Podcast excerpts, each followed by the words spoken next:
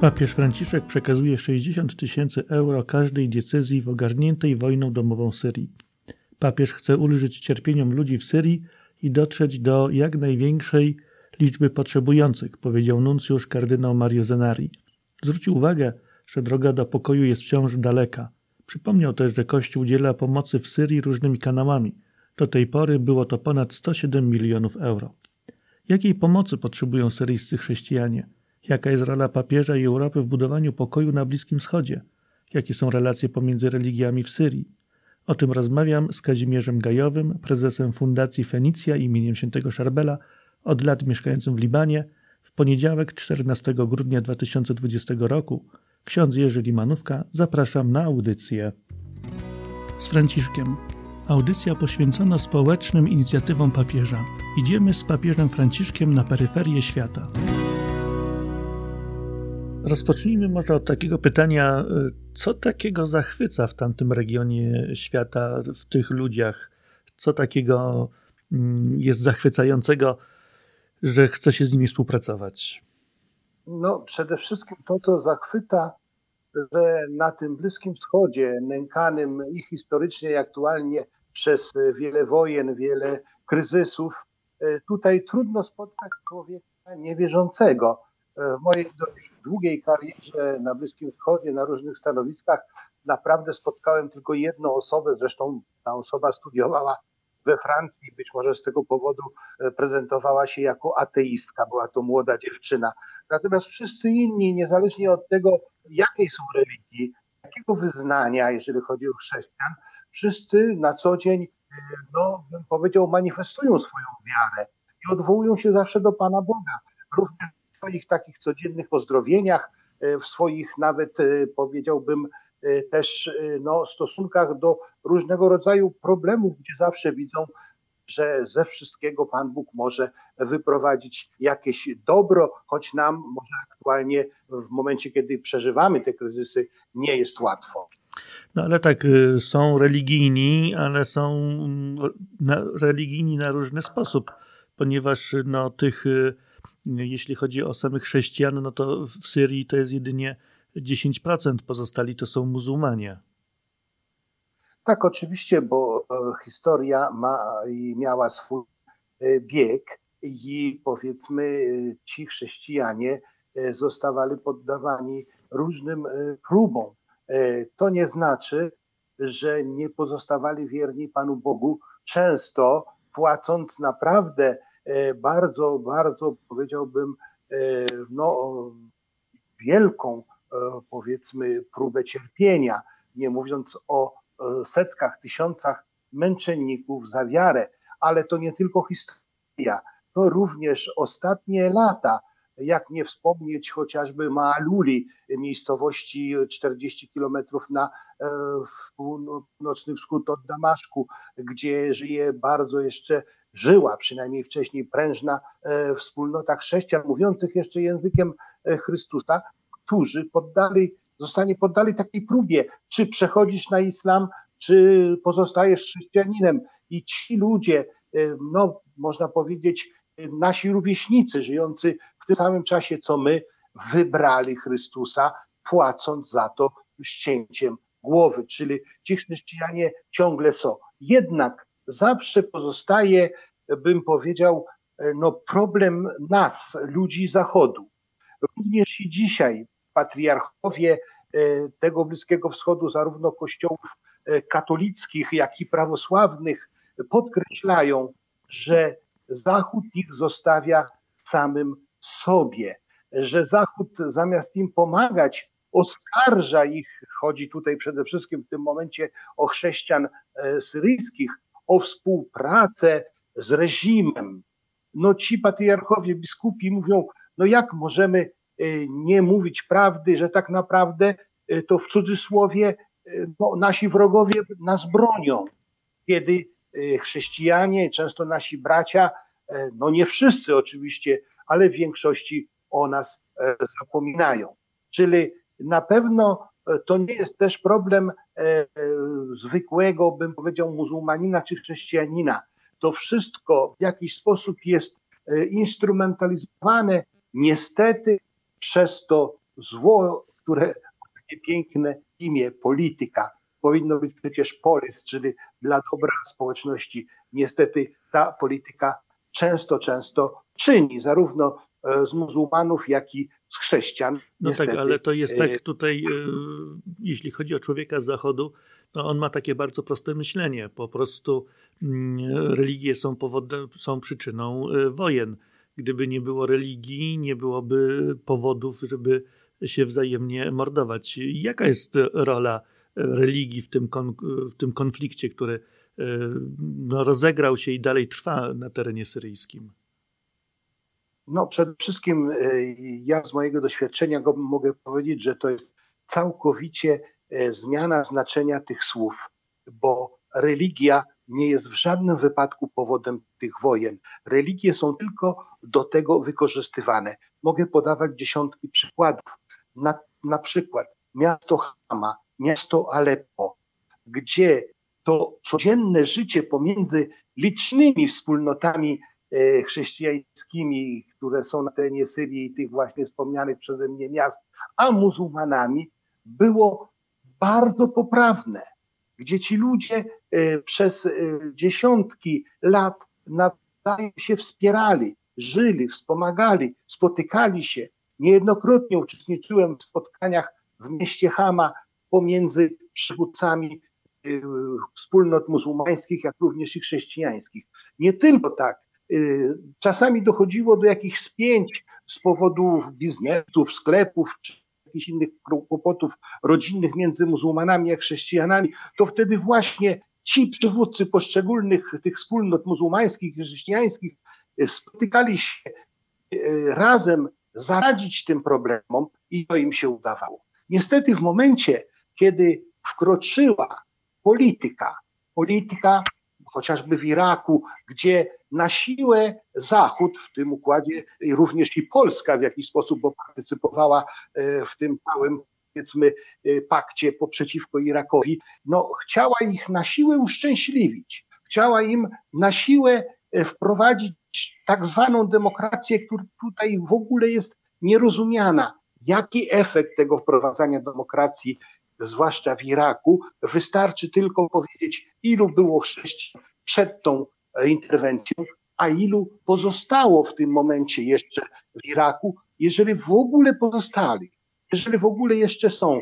Ja, będąc w tym momencie w Libanie, spotykam dziesiątki, setki rodzin, które można by powiedzieć poczują rodzin chaldejskich, chrześcijan, e, zarówno prawosławnych, jak i chrześcijan, jak i katolickich wspólnot z Iraku, które nie mają przyszłości. One już wiedzą, te rodziny, że do Iraku nie wrócą. Jedyną ich szansą, niestety, często z bólem serca stoją w kolejkach, zwłaszcza przed ambasadą kanadyjską, żeby otrzymać wizę, żeby móc się na nowo tam urządzić. Czyli jednym słowem, ta interwencja laicka, świecka, tak zwana e, propaganda demokracji, sprawiła, że chrześcijanie zniknęli całkowicie, można by powiedzieć, z Iraku, gdzie ich historia, e, oczywiście nie czas na opowiadanie, była naprawdę nie tylko, że piękna, prześwięta i prześwietna, ale również i bardzo ważna dla całego kościoła, e, powiedzmy, europejskiego, skąd to chrześcijaństwo tam dotarło. Znam z autopsji, jak żyją ludzie chociażby w Libanie, w wioskach, tutaj w okolicach Biblos, w którym teraz się znajduję, z którego teraz mówię, gdzie te wioski najczęściej w tej okolicy są zamieszkałe przez maronitów, czyli katolików związanych z Rzymem, z papieżem w 70-75% i w 25-30% przez szyitów. Do tej samej szkoły uczęszczają zarówno szyici, jak i maronici katolicy. Nawet w takich działalnościach jak oratorium salezjańskie, którego doświadczyłem przez dziesiątki lat w miejscowości El Husun, w klasztorze księży salezjanów, gdzie do oratorium tak zwanego, czyli do takiej działalności pozaszkolnej Jedni no tak, ale, tak, ale tutaj tak, wspomniałeś o tym, że polityka dzieli, ale czy m, przypadkiem też i pomoc nie będzie dzieliła? No bo czy to nie jest w tym momencie taka sytuacja, że tak, syryjscy chrześcijanie mają pomoc, bo otrzymują ją właśnie w tej chwili od papieża, od różnych katolickich organizacji, Natomiast muzułmanie pozostają sami sobie, czy chyba, chyba, że oni mają z kolei własną pomoc ze swoich organizacji muzułmańskich i czy przypadkiem z kolei to też nie prowadzi do pewnych mm, podziałów pomiędzy ludźmi? Tego bym e, nie powiedział, dlatego że efekt jest całkowicie odwrotny. Przede wszystkim muzułmanie, słysząc chociażby o tym, że od samego papieża dociera e, pomoc, a od różnych organizacji katolickich od dawien dawna w milionach dolarów już dociera do Syrii, to przede wszystkim mówią z zazdrością. Popatrzcie, jak oni się kochają. A drugim punktem jest to, że organizacje, zarówno związane z zakonami, takimi jak Talezjanie, Franciszkanie, Jezuici, którzy pracują na terenie e, Syrii, to te e, powiedzmy zakony katolickie, chrześcijańskie wcale nie zamykają się przed potrzebującymi muzułmanami. I również i te rodziny muzułmańskie otrzymują pomoc. Oczywiście rodziny chrześcijańskie e, mają szczególne prawo do naszej pomocy. Według znanych przysłów chociażby o tym, tym, tego przysłowia o koszuli, że ma być wyższa ciału. I to oczywiście musi być to widzialne, że my czujemy, że nasi bracia są w potrzebie. A hierarchia, bym powiedział, e, miłosierdzia, hierarchia miłości, że ten, kto nie potrafi kochać swojego, ten, kto nie szanuje swoich domowników, na pewno nie będzie szanował też sąsiadów i innych, którzy są daleko od niego. Stąd też to jest ten dwustopniowy, bym powiedział, przykład świadectwa chrześcijańskiej miłości, że popatrzcie, jak oni dbają o swoich, że się kochają, że ich mają za braci i patrzcie, nie zamykają się tylko na siebie, o nas też myślą. W Libanie jest to samo. W Libanie Caritas libańskie e, pomaga zarówno chrześcijanom, których oczywiście stawia na pierwszym miejscu, ponieważ muzułmanie mają też swoje fundacje międzynarodowe, które są o wiele bardziej bogate niż nasze chrześcijańskie. I też muszę przyznać, że miałem, znałem przypadki, kiedy te fundacje o charakterze muzułmańskim, kiedy spotykają na swojej drodze, bym powiedział, działalności chrześcijańskie rodziny, które potrzebują, też otrzymują pomoc. I myślę, że to jest ta platforma charytatywna, która jest platformą, która nas w jakiś sposób łączy. I tu znajdujemy, y, jak można powiedzieć, wspólne wartości. Są w tym momencie muzułmanie też stają się mieszkańcami, chociażby podam jeden przykład, w obronie życia, w obronie e, sprzeciwiania się chociażby aborcji. E, jesteśmy po prostu wtedy, w cudzysłowie to mówię, e, w jakiś sposób wspólnikami.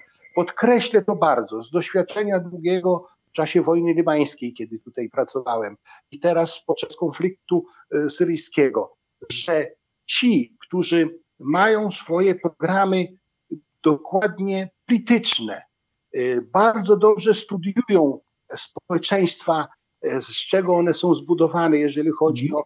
o chrześcijan, muzułmanów i wykorzystują te podziały do realizowania ich, ich programu. No dobrze, a Jeden w takim razie, no dobrze, o właśnie, między innymi właśnie o to chciałem zapytać, że y, papież Franciszek przekazuje 60 tysięcy euro każdej diecezji w Syrii. Y, na co te pieniądze będą wykorzystane? Co jest taką najpilniejszą potrzebą y, tych kościołów chrześcijańskich, diecezji, które potrzebują pomocy? Tak, już to powiem, tylko żebyśmy zrozumieli wielkość tej pomocy zapowiedzianej przez papieża Franciszka, to przypomnę, że katolickich diecezji różnych y, rytów na terenie Syrii jest aż 17. Czyli jeżeli to prawda, że każda z tych decyzji otrzyma 60 tysięcy euro, mówimy tu o sumie lekko przekraczającej milion euro. To już jest coś, co rzeczywiście może zrobić e, ślad. I ta pomoc dla chrześcijan jest przede wszystkim, żeby pomóc im pozostać w ich domach, w ich diecezjach i w ich parafiach. Czyli trzeba e, wszystko zrobić, żeby te zniszczone domy w Aleppo, żeby te zniszczone wszystkie domy chrześcijańskie, e, chociażby w Hamie, bo tam najbardziej chrześcijanie w Hamie i w Homs ucierpieli, praktycznie zostali swoje domy i musieli się stamtąd po prostu wynieść, żeby mieli do czego wrócić. I tutaj na przykład jeszcze przed papieżem, że tak powiem, chociażby polskie Caritas tu chodzi o konkretną Caritas Siedlce, która zrobiła swoje dzieło, na ile było ją stać. I w zeszłym roku odbudowała dwa mieszkania w Aleppo dla dwóch rodzin chrześcijańskich, żeby tam pozostały. To był pierwszy punkt i ten punkt praktycznie został w jakiś sposób zrealizowany w mniejszej czy większej y, części. Natomiast jest teraz drugi.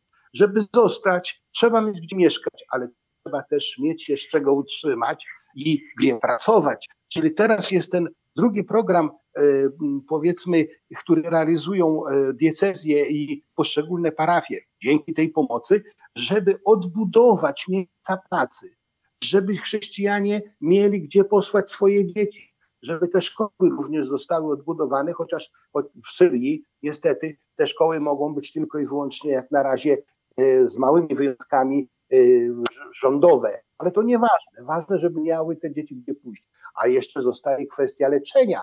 Wiemy przecież, że również polskie organizacje, teraz nie będę ich wymieniał, zrobiły wszystko, żeby na nowo przywróciły swoją aktywność szpitale w Aleppo, bo przecież ludzie normalnie też no dobrze, chorują. Tak, zwłaszcza... E, oczywiście, ja myślę, że tak możemy tutaj wymieniać sporo tych tak. programów socjalnych i, i, i po, po, pomocowych, na co są pieniądze potrzebne, ale czy przypadkiem też tak nie jest, że jak gdyby i Ojciec Święty, ja trochę, trochę prowokacyjnie zadaję to pytanie, że Ojciec Święty i jednocześnie tutaj syta Europa gdyby uspokaja swoje sumienie, że no, daliśmy pieniądze, czyli pomogliśmy.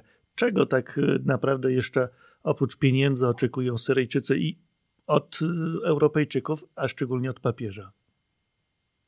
No tutaj e, Kościół więcej praktycznie nie jest w stanie zdziałać, ponieważ w tym momencie zaczyna się rola E, polityczna, rola poszczególnych państw, zwłaszcza rozwiniętych Zachodu.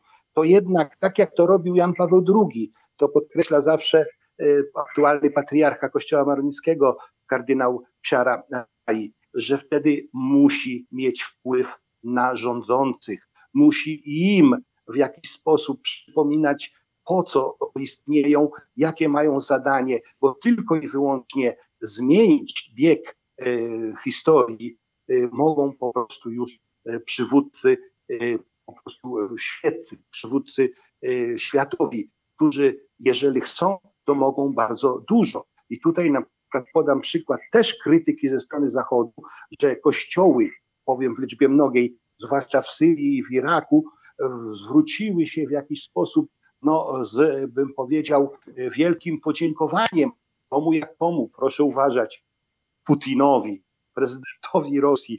Mówią wszyscy, jak można Putinowi dziękować? No tak, bo z ich punktu widzenia, z ich podwórka, z ich placu kościelnego, z ich klasztorów, patrząc na to, co się stało w ostatnich przynajmniej 10 lat, no to uważają tego pana, że konkretnie dla nich to była ostatnia ostra, która sprawiła, że przynajmniej część tych kościołów została uratowana i przynajmniej część chrześcijan już tam jest, a inni powoli wracają. Mówi się, że codziennie z, z terenów Libanu do e, Syrii wraca przynajmniej 10-15 e, chrześcijańskich rodzin, co świadczy o tym, że ta sytuacja też się stabilizuje. Ja nie wierzę, że ci przywódcy światowi mieli e, po prostu jako program przywrócenia chrześcijan w Syrii, ale przy okazji załatwiania ich interesów, bo jestem przekonany, chodziło tylko i wyłącznie o interesów. No niestety, ale to właśnie oni sprawili, że ci chrześcijanie w jakiś sposób poczuli się,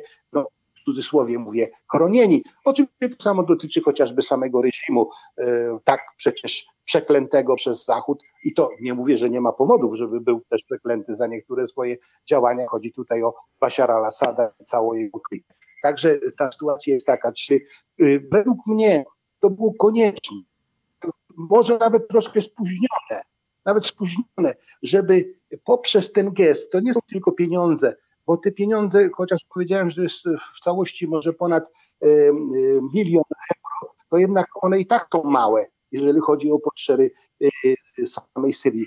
Ale to jest, jakby można powiedzieć, taki przykład, świadectwo dla świata, że Kościołowi katolickiemu, rzymskokatolickiemu, i to w osobie przywódcy, którym jest papież, zależy na tym, żeby chrześcijanie tutaj zostali. Ja przypomnę no, właśnie jedno zdanie tak, Jana Pawła II. Że, że, powinni, powinni zostać e, tam oczywiście, no ale można zadać takie pytanie, po co? Czyli w tym znaczeniu takie pytanie, co chrześcijanie wnoszą, bo to 10%, no to można powiedzieć, że to jest y, rzeczywiście mniejszość. Czy w ogóle chrześcijanie jakoś wywierają swój wpływ na, na, na, na kształt, na kulturę Syrii?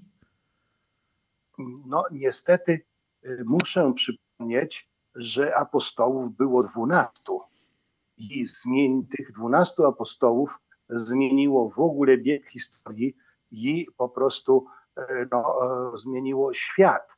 Czyli tutaj też patriarchowie, zarówno prawosławni, jak i katolicy z Bliskiego Wschodu, mówią o tym, że potrzebne jest świadectwo. Potrzebne, potrzeba jest, aby e, chrześcijanie po prostu byli świadkami Ewangelii poprzez co? Poprzez przebaczenie i pokój.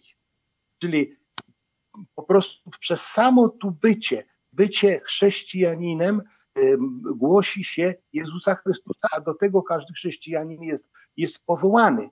Czyli nie trzeba nawet nic mówić, wystarczy być. I świadectwo zawsze kuje w oczy. Ja pamiętam e, opowieść, e, interwencję jednego muzułmanina e, względem zagranicznych misjonarzy, to jezuitów, czy franciszkanów, czy innych zakonów, którzy po prostu, który ten pan mówił, po co oni tutaj są? Dlaczego nie zajmują się naszymi dziećmi? Bo przecież wiemy, że w szkołach katolickich są również i muzułmanie. I w końcu sami dochodzą, a, bo ich mistrz, ich nauczyciel, wiemy, że chodzi tutaj za Chrystusa, tego od nich wymaga. I to staje się po prostu misją, bo jesteśmy do tego powołani. I chciałem przypomnieć słowa Jana Pawła II, kiedy był tutaj e, w Syrii i na terenie chociażby później Libanu i Ziemi Świętej. Powiedział wyraźnie, że będzie to wielkim grzechem Kościoła Zachodniego, jeżeli w ziemiach, na których zrodziło się chrześcijaństwo, po których stąpały e, stopy Chrystusa, e, po prostu zabraknie tam chrześcijan. To będzie wielkim naszym wstydem czymś, co, do czego nie powinniśmy nigdy e, dopuścić. I oczywiście e, to, ta pomoc e, papieża Franciszka jest świadectwem, jest symbolem, że chrześcijanie mają tutaj zostać wbrew właśnie polityce świeckiej.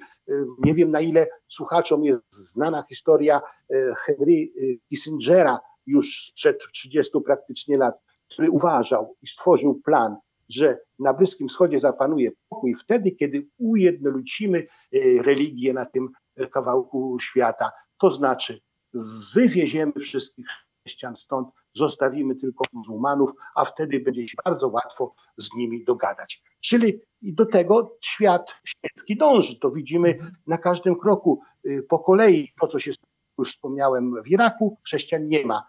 W Syrii praktycznie też są pod znakiem zapytania a jeżeli jeszcze do tego dołożyć Liban, gdzie mamy prawie że połowę chrześcijan, to praktycznie cały Bliski Wschód zostanie z chrześcijan wyczyszczony. No dobrze, miejmy nadzieję, że do tego nie dojdzie. Już kończymy naszą audycję. Na zakończenie może bym prosił o przedstawienie e, fundacji, którą e, prowadzisz. E, czym ona się zajmuje, jaka jest strona internetowa, jaki adres strony internetowej, żeby się więcej o niej dowiedzieć. Y, Fundacja Fenicja, jak sama nazwa wskazuje, chociaż jest polską fundacją, obrała sobie przede wszystkim ten teren zwany historycznie Fenicją, wkład którego dzisiaj są takie państwa jak y, południowa e, Syria, jak cały Liban, jak również część Palestyny. Stąd też na pewno patrzymy y, przede wszystkim na to terytorium, chociaż nie ograniczamy się do działalności tylko i wyłącznie tu. Oczywiście to jest działalność jak wszystkich fundacji e, w Polsce, gdzie jest przede wszystkim dzieło pomocy humanitarnej, dzieło edukacji, informacji i tak dalej, i dalej. No i oczywiście też takich interwencji ad hoc wtedy, kiedy są wojny, kiedy są po prostu kataklizmy. Co, co, co, co wpisać e, w adres, żeby odnaleźć tę fundację? Bardzo, bardzo łatwo, bo wystarczy po polsku napisać fenicja.org i już mamy naszą stronę. Stamtąd też można się dostać bardzo łatwo e, na stronę na Facebooku, gdzie mamy opisaną naszą działalność, nasze programy. Tylko chciałbym tutaj dodać, bo to nie jest tylko Fenicja. Fenicja imieniem świętego Szardela. dlatego że ten święty, dość dobrze znany w Polsce, jest naprawdę dla nas wzorem. A żeby nie przedłużać się o tym świętym, powiem tylko jedno. Te spektakularne cuda, które mają miejsce każdego roku, bracia pracujący tam w jego sanktuarium notują od 100 do 150 takich wyjątkowych, spektakularnych cudów y, właśnie za przyczyną świętego Szarbera, to 30% tych przypadków, proszę sobie wyobrazić, dotyczy niechrześcijan, czyli jak rozumiemy, umanów. Czyli to jest święty, który łączy i który prowokuje, który prowokuje. Są nawet tacy muzułmanie, którzy się boją nawiedzić sanktuarium świętego Szarbela, że się nawrócą. Miałem taki przypadek wczoraj z moim pracownikiem. Dobrze, ale to już nie rozpoczynamy kolejnego wątku. Bardzo tak. serdecznie, tak. bardzo serdecznie dziękuję za rozmowę. Y, zachęcam do zaglądnięcia na stronę fenicja.org, żeby się bardziej dowiedzieć o działalności Kazimierza Gajowego w Libanie i w tym. Ja mhm. chciałbym dodać tylko jedną rzecz. Zapraszamy do Libanu, jak się oczywiście uspokoi pandemia i te kryzysy, które aktualnie są, bo tu naprawdę się ubogacimy. A wiem, że takie biuro jak e, Pellegrinus z Paulitynów jest naprawdę wyjątkowym biurem, które potrafi przekazać i historię, i aktualność, i duchowość tego zakątku, który dzisiaj się nazywa Liban. Zapraszamy serdecznie, jak tylko będzie można tutaj przyjeżdżać. Dobrze. Bardzo serdecznie dziękuję. Szczęść Boże, pozdrawiam. Szczęść Boże, my też pozdrawiamy.